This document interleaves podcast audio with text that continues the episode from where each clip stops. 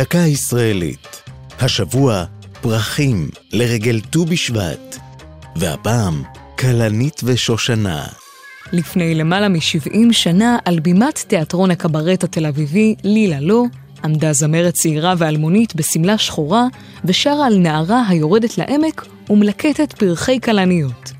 מילותיו של נתן אלתרמן ולחנו של משה וילנסקי זיכו את הזמרת שושנה דמארי שמה בתשועות סוערות ובתהילת נצח.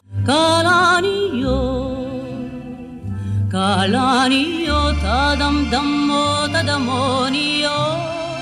הימים היו ימי המנדט והיישוב היהודי אימץ את השיר לצורכי המאבק בכובש הבריטי.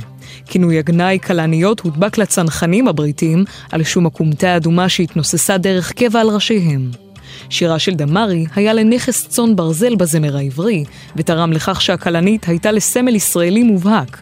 במשאל שנערך לא מכבר בקרב עשרות אלפי ישראלים, זכתה הכלנית לתואר הפרח הלאומי של ישראל. מדי חורף מתמלאת הארץ מרבדי כלניות, סגולים, כחולים, אדומים ולבנים, ומקומות רבים לאורכה של הארץ, ממגידו ועד רוחמה, מתהדרים בתואר גבעת הכלניות. זו הייתה דקה ישראלית על פרחים, כלנית ושושנה. ייעוץ מדעי, הדוקטור עוזי פז, עורך ליאור פרידמן, הגישה עמלי חביב פרגון.